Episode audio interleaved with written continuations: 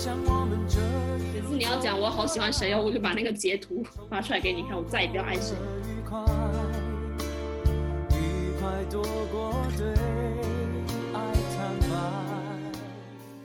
然后，当我们真的做到很好之后，我们会遗憾说，我们为什么不能更长久一点？但其实你也知道，如果我们更长久一点，我们是做不了更好。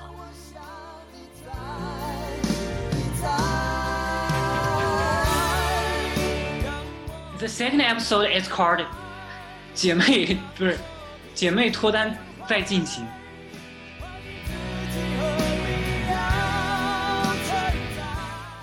其实有遇到，可是没有遇到对我好，但是我也还挺喜欢的。就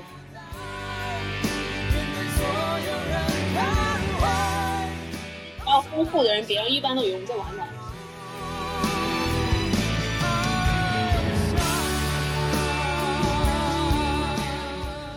今天这档节目主要是我在主导，因为我遇到了一些事情，所以我就要讲出来。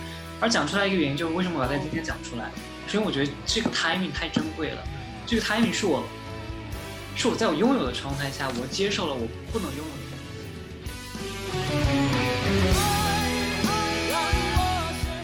所以想到这里面，我还挺遗憾的。我觉得我我始终离他有点距离吧，就是离着很遥远的去看着他。你没有一个理由，一个正当的理由去走上前去，去跟他讲说，我想了解你更多的东西，我想和你待的久一点。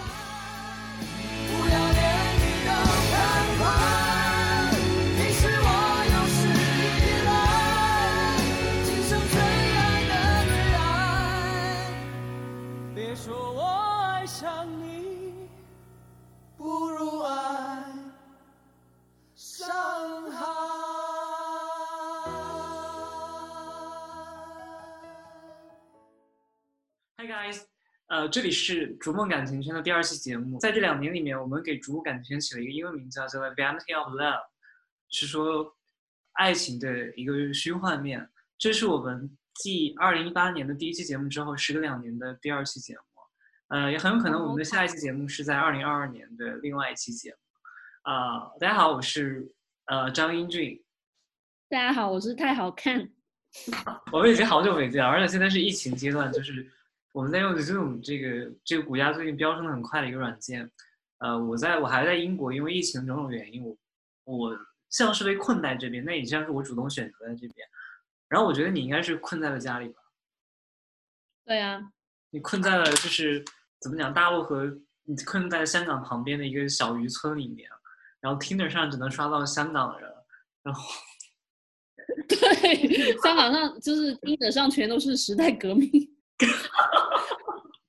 播客本来就是讲感情嘛。上一期我觉得，哦，我觉得还其实还蛮像的。就是我觉得我们在录上一期播客的时候，刚好是跟另外一位，一位我的伴侣，然后在在一个很短暂的一个亲密关系里面。那段关系其实持续的挺短的。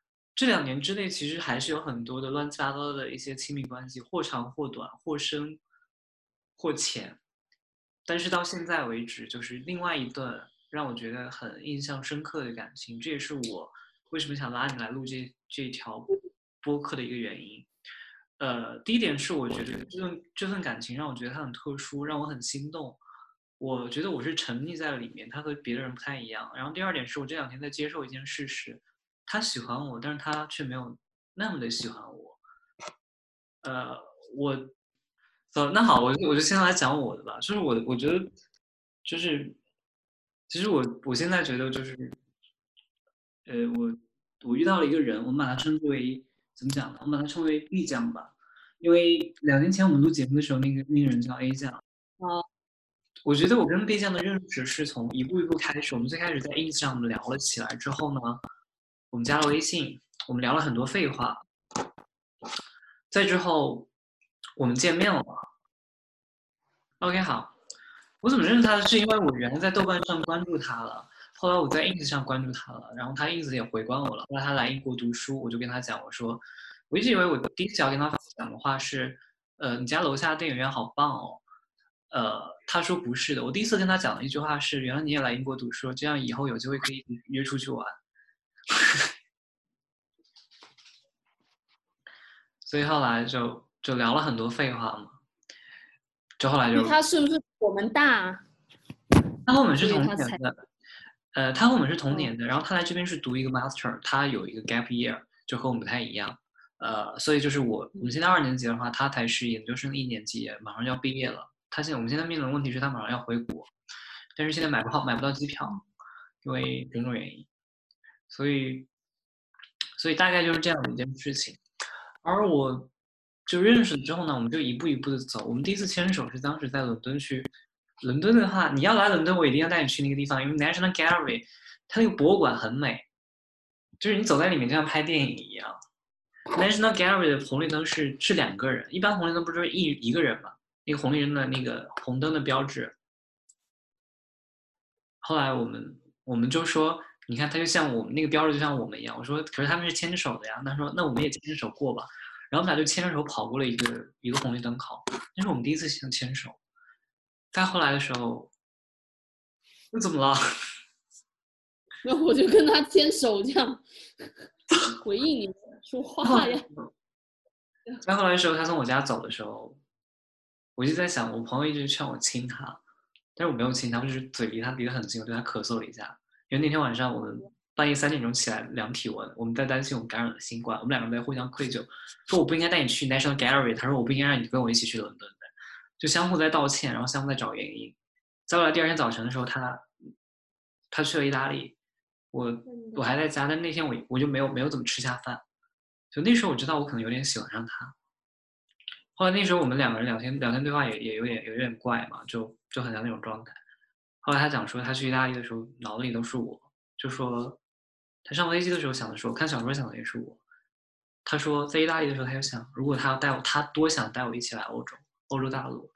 我当时就觉得哇天呐，好！就是我后来知道这件事情的时候，是我们已经牵手接吻了之后。再后来的两周之后，我们再后来的一周，我们说要去另外一个地方去玩。所以我对这场大瘟疫最大的，你们线下认识有多久啊？我觉得我们一直都是线上认识。我们第一次见面就是二月十九号，大概应该是。那没有多久之前，对，废话。但是你也知道，我们这种感情充沛的人，我们需要很久吗？我们对不需要。别人别人从认识到相恋，我们都已经分手三四个。对啊。所以其实后来我我我觉得我对文艺最大的一个恐慌就是说我还能不能去我跟他要一起出去玩的那个地方，我们的行程计划还能不能就是按照依旧？后来只是后来没有想到欧洲疫情恶化的这么严重，所以我们就，唉，所以我们就没有去成。但是因为牛津恶化太厉害了，牛津的感染人数特别多，牛津这个学校的感染人数应该在全英所有学校里面排第一的。我当时特别害怕，他让我说：“要不然你来我家吧。”我百般就是口先体正直，表面拒绝，但内心还是想的。就后来就来到来到这边跟他住了，住了一段时间。他他所以你现在在哪里？我现在在他家里。他家在哪里啊？也在牛津吗？他家在伦敦北面的一个，不是在英国中东中部吧？爱丁堡南面一点的一个海滨的一个靠海的一个小城市。是不是安全很多呀？对，安全很多，这就是他让我来的原因。哦，真好。所以就怪不得你过得逍遥，可是也不能出门吧？嗯，我们其实是可以出门的，因为我们有一天还一起出门看了星星。啊，一起出门看了星星。所以其实就我过得很开心。他们让我回国，我也不太想回国。分不清，牛郎星太太远了，我们太小了，我们只能看到北斗星。星星很亮，所以其实对我来讲的话，就这件事情是愉快的。但但另外一点的原因，就是因为我也一直跟你讲过，他其实有一个关系很稳定一个伴侣，他们谈了一年多了，一年多的异地，就一年多的异地，你也知道是没有什么东西能拆散他们的。他们是在那个他那个是在中国对吧？对，他伴侣现在在中国。嗯。为什么一年多异地无法被拆散啊？异地恋不是你不觉得？就是我觉得我们太短了吗？不是，是这样的。你你有没有想过，你和一个人有一个很有一段异地的关系？我当年谈了一段五个月的异地恋。不是，我觉得其实就是这样的，就是这个背景大概是还有另外一点就是。我我知道你在想问我说，为什么你觉得就是异地很久就不能被拆散？因为你知道异地是没有陪伴的，你需要自己去过你自己的生活，但你同时要心在在生活里给他给另外一半留一个位置。这对我来讲是一个很难的一个 balance 的一个一个一个过程或者一个方法了，所以我其实是做不到的。而且我觉得就是能够谈一年的话，就是英国这样的时差八个小时的时差之下。能够维持一段这样的关系，我觉得之后的关系应该是非常的稳定的，应该是难以被拆散。所以我认为他们关系还挺稳定，还挺好。这是第一点原因。第二点原因就是，我是觉得说我跟他现在这个关系，我觉得很微妙，我不知道算些什么东西。我觉得就是你你你说什么样的人叫什么什么样关系叫恋爱呢？我不知道，你也不知道，对吧？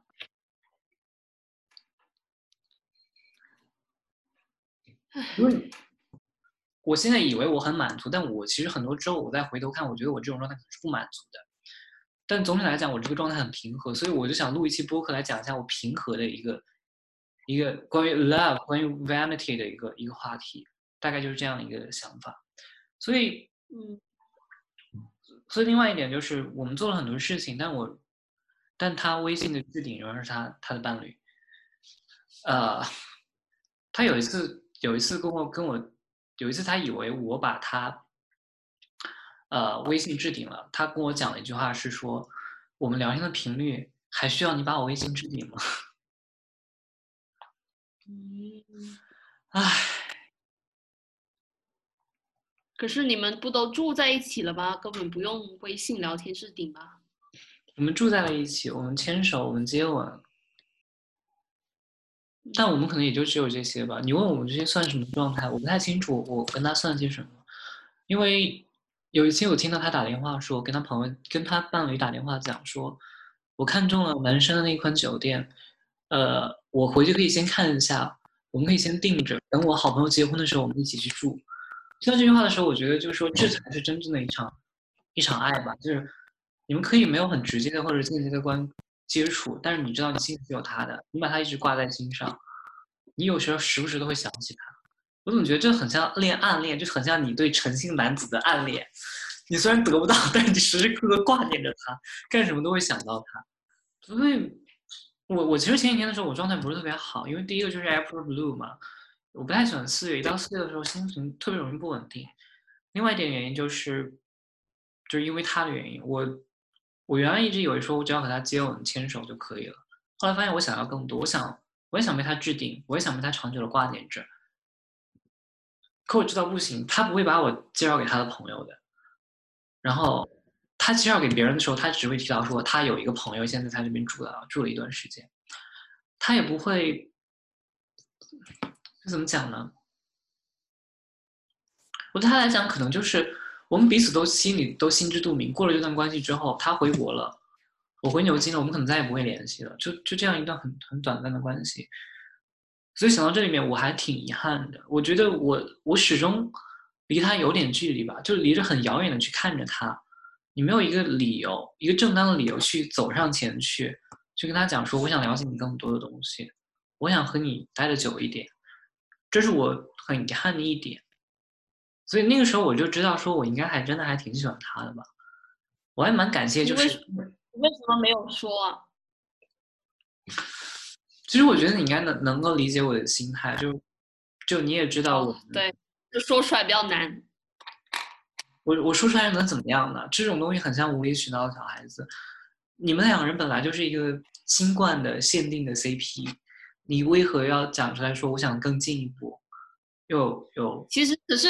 从就是我身在你的位置，我明白。但是我作为你的朋友，就是会觉得说，其实你当然有权利讲出来。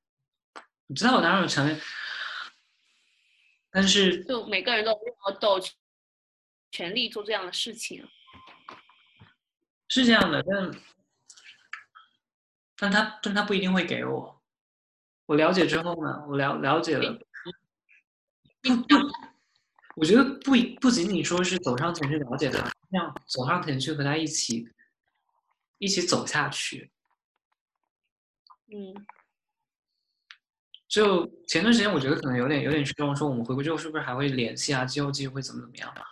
而我现在觉得我现在状态很好的是，我我就突然就就就似乎就是想明白了，就是他喜欢我，承认，我不要再用两年的时间去去告诉我自己说我们上一个上一个 A 酱他真的喜欢过我，我觉得不要了，我现在就可以告诉我他喜欢过，我挺喜欢，但这喜欢还是不一样的，这喜欢不是把他挂在心上的，一直心心念的那种喜欢。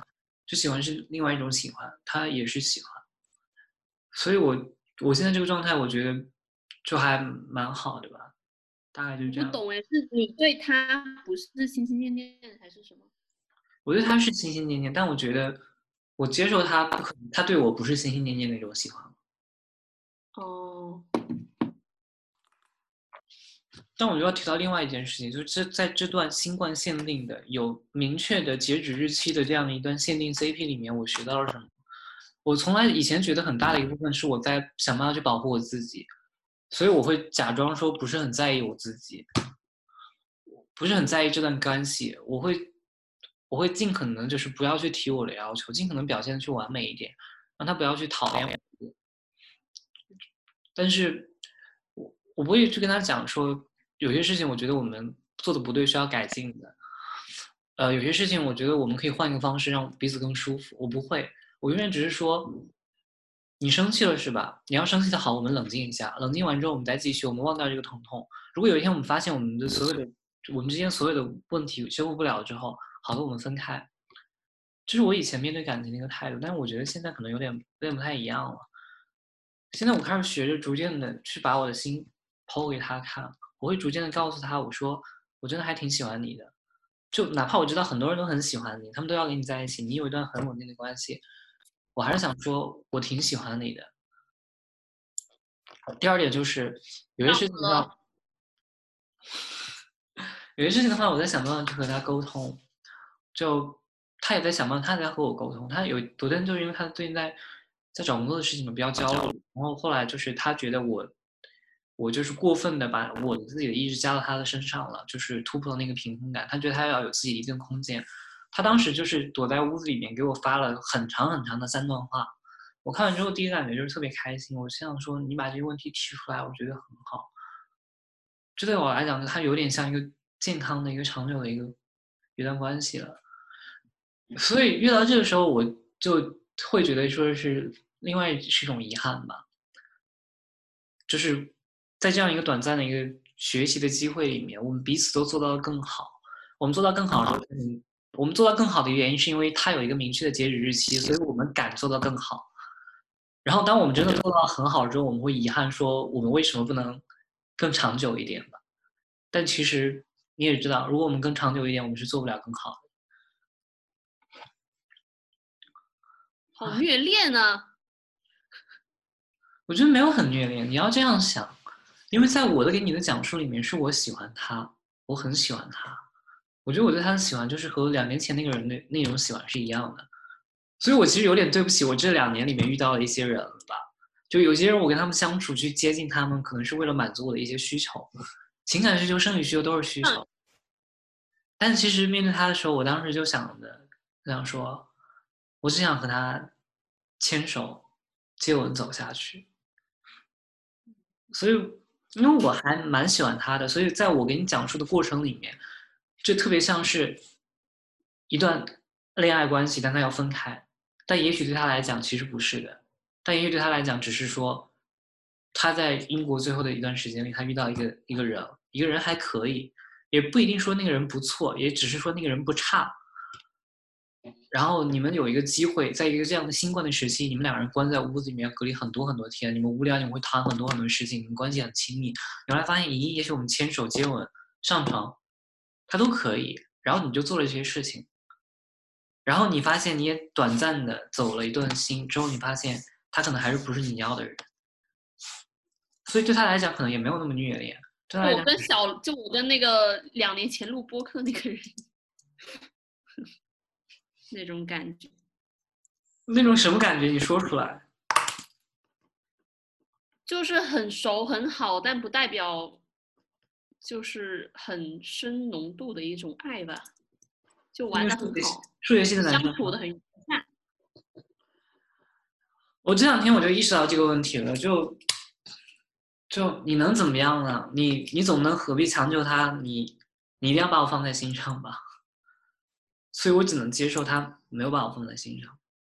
我觉得大概就够了吧。那你当年，哎，你不会，你不会，就是你就在你喜欢过这么多人里面，你不会有，你会会有排序，就觉得哪一个是哇超符合理想的状态的，有没有？或者说打分这样排序，还蛮奇妙的吧？就是如果是，如果是真的是一个纯理性的打分的话，就我觉得真正合适的都不是跟我在一起的人。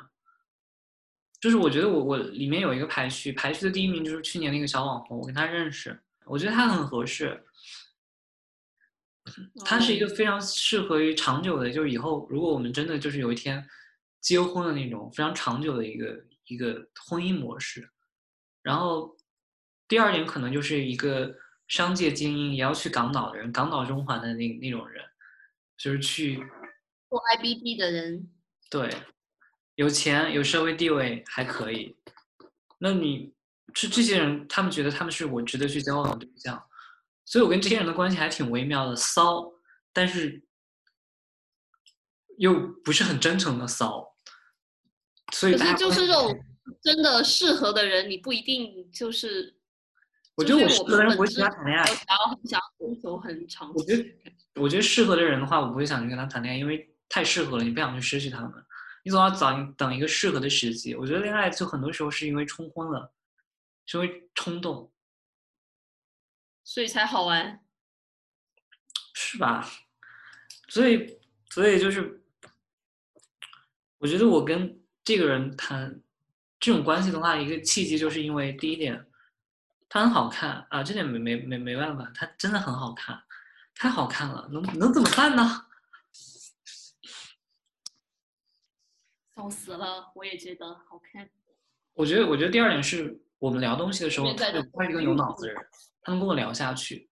第三点就是他和我太不一样了，所以我想去靠近他。而两年前那个人，我想跟他接触的原因，第一点是，我靠，长这么好看的人，我还能说啥？就大概就这样一个状态，就是。我觉得这个状态在我这么多年的恋爱里面还是第一次出现，就是你接受他没有那么爱你，所以现在我就在遗憾。我说两年前的话，我跟 A 酱，我们俩要当时要意识到这个问题的时候，我们俩能够想办法去解决一些问题，是不是我们能走得更久一点？因为当时 A 酱对我讲说：“你说会不会你从英国回来之后我们还在一起？”我那天看到这句话的时候，我差点要哭掉了。我就想说他当年得有多喜欢我，才能给我说出来这种话。可后来你仔细想一想，人家把家里的钥匙给你了。到时你很奇怪，就是，就是我当时还挺不能理解你的。对，我真的想，决然的抛下一个自己喜欢的人，然后天天在跟我讲他，就好怪异小孩那种感觉。我觉得我两年前，我现在很想知道你当时当时听我讲那段录录上次播客的时候，你对我的那那段感情什么感什么态度？你是不是觉得我很作？也不是很作，就是有一种倔强，就是好像你有你认定那个原则，不管我认定我一定要跟他分手，所以我什么事情都不想跟他讨论。你认定有那条原则，然后你就死都要执行它，这样。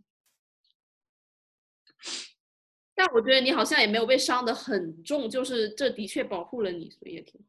你知道你知道我用了多久的时间我才意识到了这件事儿吗？我那时候来英国的时候，那时候我天天晚上在想，我没有跟你讲过吗？我当时我没有向你提出过吗？你们所有人都在跟我讲说，他的确喜欢你，就是所有周围人都跟我讲说，你看着我，他肯他他不喜欢你，他会做出那样的事儿吗？我当时说不不不不不不不，A B C D E F G 给我列列出去，他们就说，然后对然后对方不想理你，对，但是。我后来就是终于意识到，说他他的确挺喜欢我的。当时，那你当时这样做也没什么错的，因为你本来就是要要去英国很久嘛。然后我当时只你你你甩他肯定比他甩你好嘛，反正就就不是我是当时很差的选择。然后我不够高，我不够得体，我是一个小孩子。然后我要求的又多，我又作，又事儿又多，所以我觉得我当时就觉得他不会喜欢我的。没事啦，我们都一样。所以我其实我那时候就很就特别担心一个问题，说当当时在回去想这件事情的时候，他会不会想说，是我推开了他，所以他只能把我也推开。所以他有可能这样想啊。那你我就在想说，那我对 B 酱来讲，现在又是什么样的情况？你问他，他有说话啊？他有表达吗？我不知道怎么问他，因为我我我连我们俩的关系，而且我们这种感情比较丰富的人，别人一般都以为我们在玩玩，所以。对啊，就就我我其实我不知道该怎么跟他讲，我都不知道我们俩这段关系算什么，我都不知道他心里面把我们这段这段关系定义为什么。你 去你跟他讲嘛，你说其实我很喜欢你，我很想你把我置顶。然后他说：“哦，对不起，不用了。”然后你就搬出去了。我还是不讲了吧。所以我是准备在他走走的前一天晚上，我跟他把这些所有事情都讲明白了。我知我意识到一个问题，就是有些问题就谈恋爱的时候遇到的事情，一定要在谈恋爱时候解决，否则以后他找你找不到这个人了，你只能自己去想。然后想了两三年，然后越想越纠结。嗯，也许吧，我没什么恋爱经验的。哦，你就是这样的男孩，我已经看透了。我就是那个，就是你这样做，其实可能符合你的个性，其实也挺好的，说不定就真的保护了你。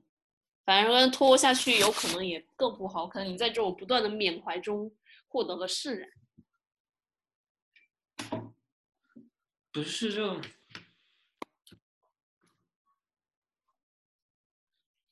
其实你后来想说，我能上的伤呢？就是你说我有什么东西可以受伤呢？我人吗？我身体吗？我支离破碎吗？我觉得不是啊。就是我没有什么东西可以说，他能伤害我什么呀？他不会把我卖了，他不会诱拐我吸毒，他不会诱拐我诱导我卖淫，他他他伤不了我的。其实我何必又这样纠结于？只是，我觉得你其实还好，就是你 handle 的都比我好很多。我觉得我是有影响到自己生活，不太好。那那你觉得你你现在那些状态是怎么样的？什么？就是你现在看心哦，在过去两年里面，我开始去看心理医生，所以就是这样子。就是看心理医生是因为什么？是因为感情吗？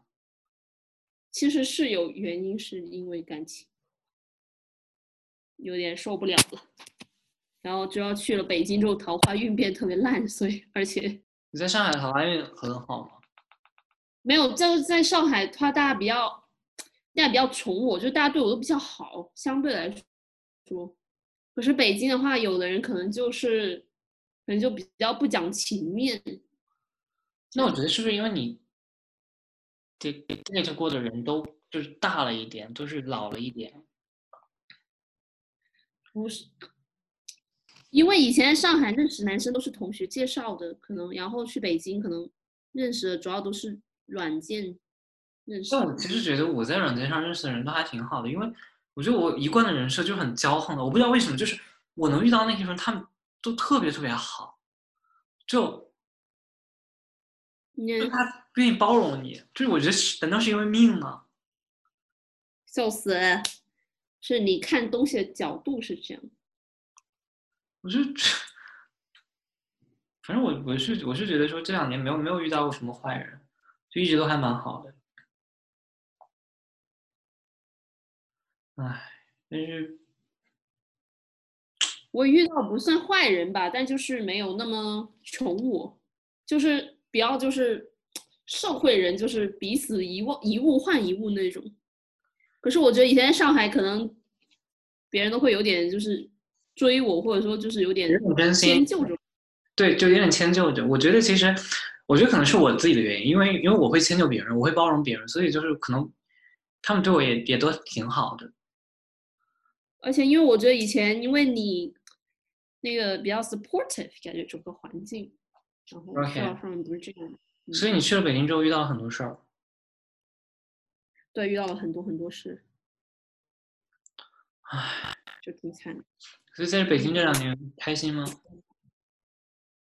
觉得超级不开心，就是完全就是不开心，就是会有开心的时刻，遇到很多新的人，会有开心的 moment 或者某一些活动这样，但是总体来说是完全不它。不是好的，它方方面面都不算特别的好。它只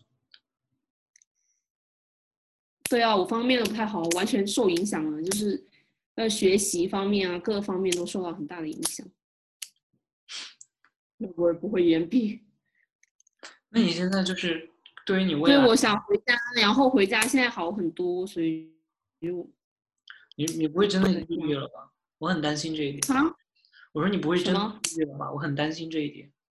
我有去查，他说我没有，我有做那个量表，因为我有自杀的念头，可是然后我咨询师就叫我去去医院查，然后医院就是说你不是很严重什么之类，你只要咨询就好，不用吃药，就是不是很严重，嗯，大概就是这样。那你那你就是，你觉得你跟港仔现在这个情况怎么样？呃，港仔，因为我跟他不太合适吧，嗯，啊，因为他不认识弗洛伊德，所以昨天我很崩溃。你就 那怎么可以没听过弗洛伊德呢？然后我就很崩溃。那又怎么啦？就是他为什么一定要知道弗洛伊德才能跟你对话？他他知道周公解梦就不行吗？哦，不是啊，就是感觉，因为诚信男子跟我太像了，所以可能衬托起来，我就是还没有还没有摆脱上一段，所以我而且我刚才认识他不是很久，就一个月左右，就不是很久。因为我删掉诚信男子也就几周前，所以没你为什么删掉诚信男子？你跟诚信男子讲了什么东西？我现在很八卦呀！我现在八卦我跟他表白，而且很而且很惨，就是我不想要去，然后我怕我妈听到，我不想去的，因为我当时我好像觉得好像已经察觉到他不是，然后所以后来我就没有再理他，我就 date 了别人什么之类的，然后到后来，这个能在 podcast 里应该不能在 podcast 里讲，然后但后来他后来就是他有他的好朋友。不知道为什么跟我的好朋我有告诉我一个好朋友，不知道为什么我那个好朋友告诉了另外一个人，就很奇怪。然后他就跟他讲，跟那两个女生就知道了这样的事情，你知道我喜欢那个诚信男子。然后那个女生就说，诚信男子在之前跟他们一起去旅游的时候，他们一起去日本旅游，一起去旅游的时候说过什么我是他理想型什么之类的。哇，然后他就是，然后他就是，然后他跟他诚信男子跟男他女朋友就经常吵架，然后大家都知道那种。然后那个女生就劝我说：“说你反正也喜欢他，你干嘛就不去嘛？”然后就然后就说，而且他们关系本来就不好。然后他都之前在旅游时候都这样说了，但是我之前不敢告诉你什么什么之类的，类似于这样，就叫我去。然后我就说好，我还是不去了吧。可是他之前好像好像有，他之前好像有讲过什么，如果一个人在一起就不应该去表白，因为这好像就是代表了。就是应该是，就是他之前好像就不知道，反正就是我，但那个时候觉得没有什么戏了，然后我就放弃了，然后可是又被他们怂恿，嗯，对，然后后来我想想，那就说就说吧，也没什么大不了，然后我就说了，然后说了就被发了好人卡，而他他是真的抑郁症，就是诚信，而且因为所以因为当时我跟他很熟，是因为申请，然后还有是因为我跟他讲，我觉得我有点抑郁，然后他就一直教我要怎么样去。什么？他他他劝我去医院，什么什么之类的，他就这样关心我什么之类的。对。那那有你有没有想过要去耶鲁？就如果你要去耶鲁了，成不是不不也去了耶鲁了吗？我不知道他是不是去，我那天没没有没有找他，我不想知道他去什么学校。他那时候 offer 还没出来，我就删掉他。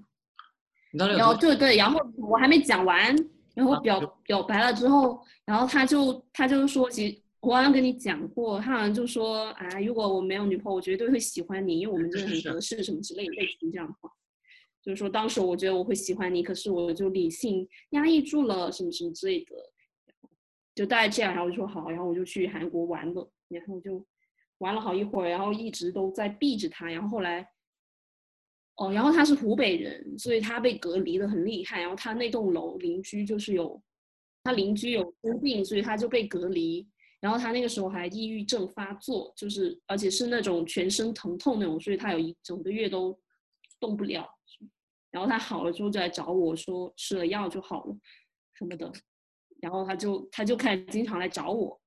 然后我其实不怎么想理他，因为每次他来找我，就会想起不开心的事情，因为之前搞的，因为我觉得他好像在就会想起不开心的事情，然后觉得自己好奇怪，为什么要挤在本来很好的两个人中间，就觉得自己很多余那种心情。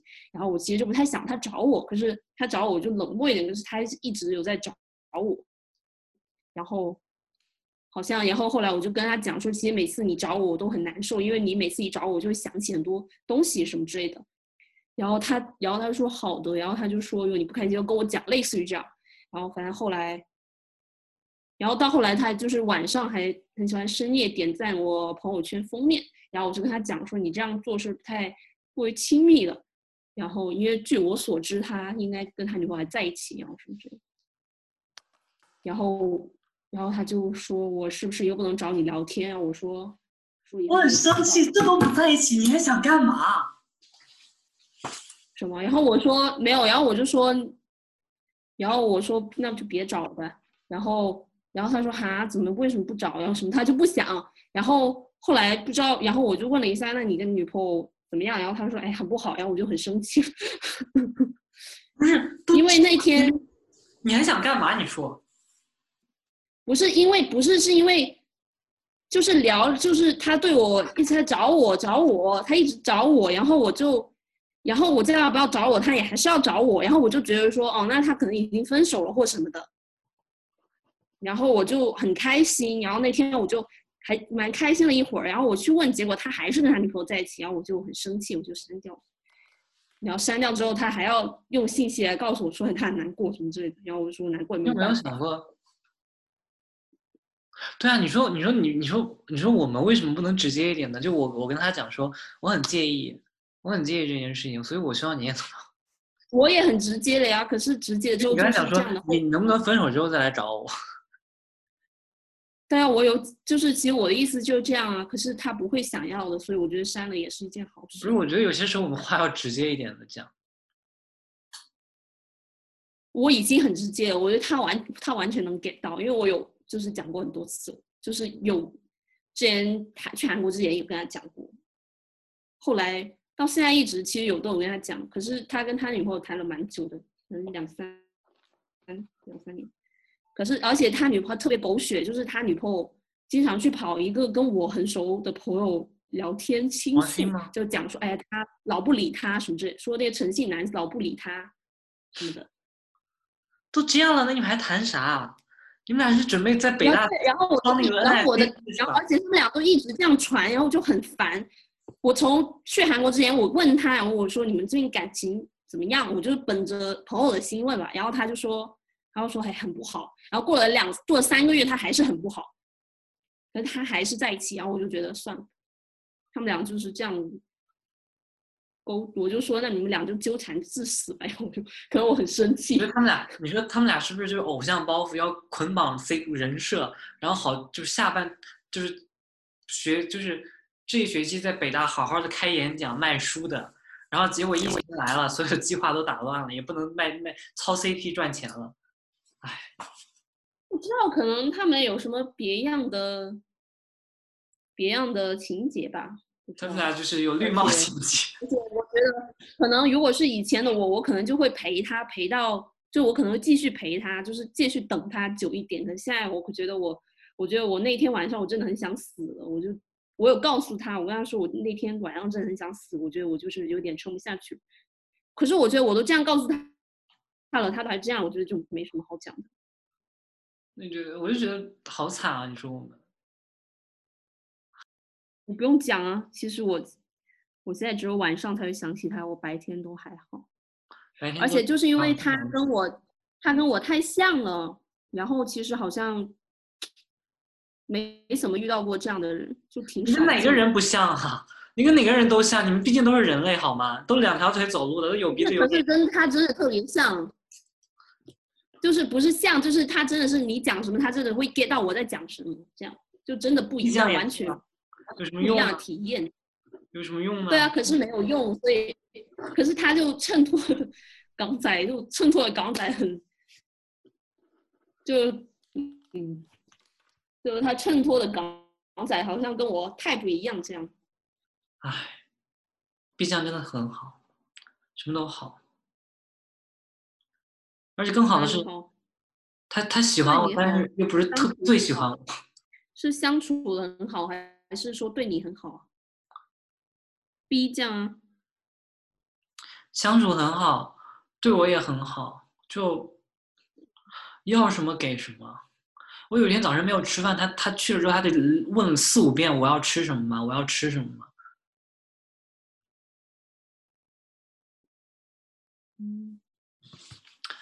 是这样的，就是我原来跟虾姐认识，然后后来聊了，就关系还挺好的。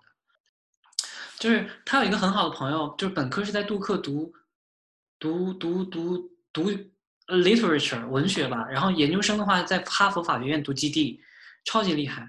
然后我现在跟那个女生关系很好，她有一天她看了我的豆瓣，然后她夸我说她她说我写东西写的非常好，她说我应该，她说你怎么可以写这么好，我都有点嫉妒。她说我应该多写，所以我就很开心嘛。然后他说他从来很少夸人写东西写得好的，而且他是学学文学的，就是我当时我听了那天特别开心。然后那天那天我那天那一整天我都特别亢是谁说你叙事文学啊？那天那天我就那一整天我都特别亢奋，然后毕江就说：“你消停点儿，你再这样我吃醋了。嗯，因为那个女生，”对，嗯，有什么悲伤的事儿还要讲吗？我帮你，我给你一个，我把我的胸怀给你，什么？我把我的胸胸膛借给你，让你让你趴上来哭泣，让你不要难过。还好我已经港仔已经吸收掉我的悲伤了，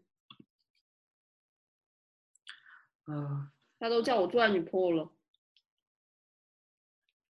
做吗，我说太快了，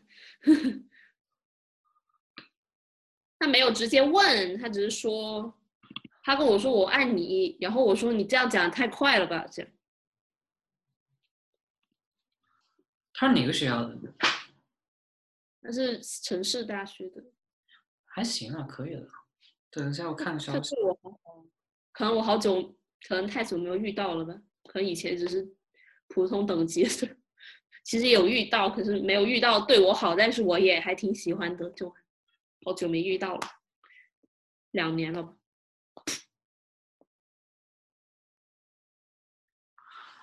我真的很喜欢 B 酱，我我很认真的讲，就是我们现在感情状态又同步了，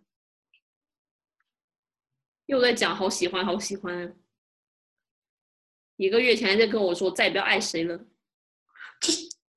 把你这个截图我有截图，你你每次讲这种东西我都有截图，每次每次你要讲我好喜欢谁哦，我就把那个截图发出来给你看，我再也不要爱谁了。我最近在烘焙跟美妆这种很传统女性的东西中获得好大的快乐。嗯，他说你干嘛？说你今天是不是有点不开心？这样跟我讲。每天收到这样的信息，好幸福，我的好日子终于到了。对呀、嗯，但是应该也没什么机会，因为他在香港。就是，你可以 点评一下疫情，疫情结束之后该干嘛干嘛。点评疫情啊，嗯，这个世界很疯狂。唉，纽约好可怜啊，我武汉更惨。你近期有什么什么推荐的吗？就是有什么给我们的听友们推荐的一些东西吗？就学烘焙、学化妆、学画眼影吧。你烘焙都烤了啥？烤了蛋挞，然后接下来 吃烤了蛋挞，它超级好吃。啊，行吧。那我给大家推荐什么呢？我觉得我给大家推荐一本书吧。这本书是一个建筑学家叫做啊、我忘了他叫啥名，我查一下。比的我好 low 啊，该死！没办法，谁像我这么强呢？这本书叫做《Scientific Autobiography》，中文翻译叫做是呃科学性科学性自传。它是一个呃建筑学家写的，很短，它大概就是一百二十六页吧，现在能找到的 PDF。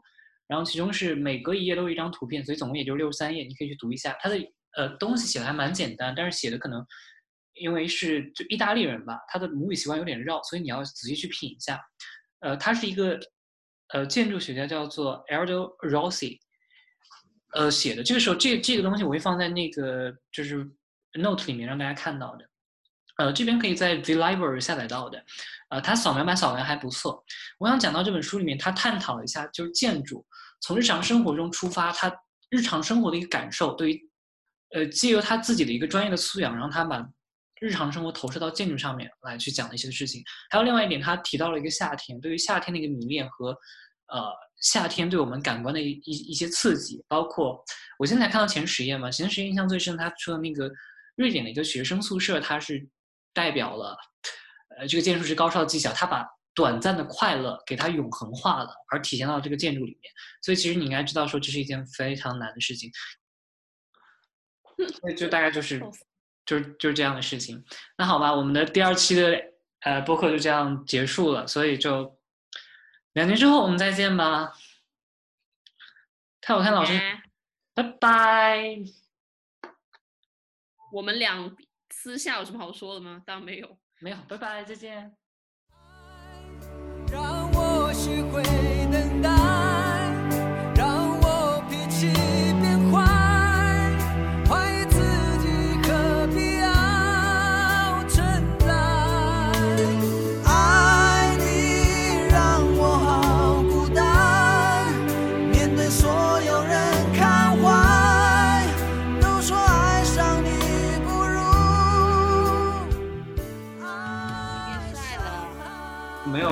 就是那天我们去海边拍照，然后我说我想你能把我拍成那个就是刻在你心里名字的那种效果吗？然后他拍完之后告诉我说，为什么人家拍出来是台湾偶像小清新，我们拍出来是贾樟柯？这是这样冲突多过了愉快，愉快多过对爱坦白。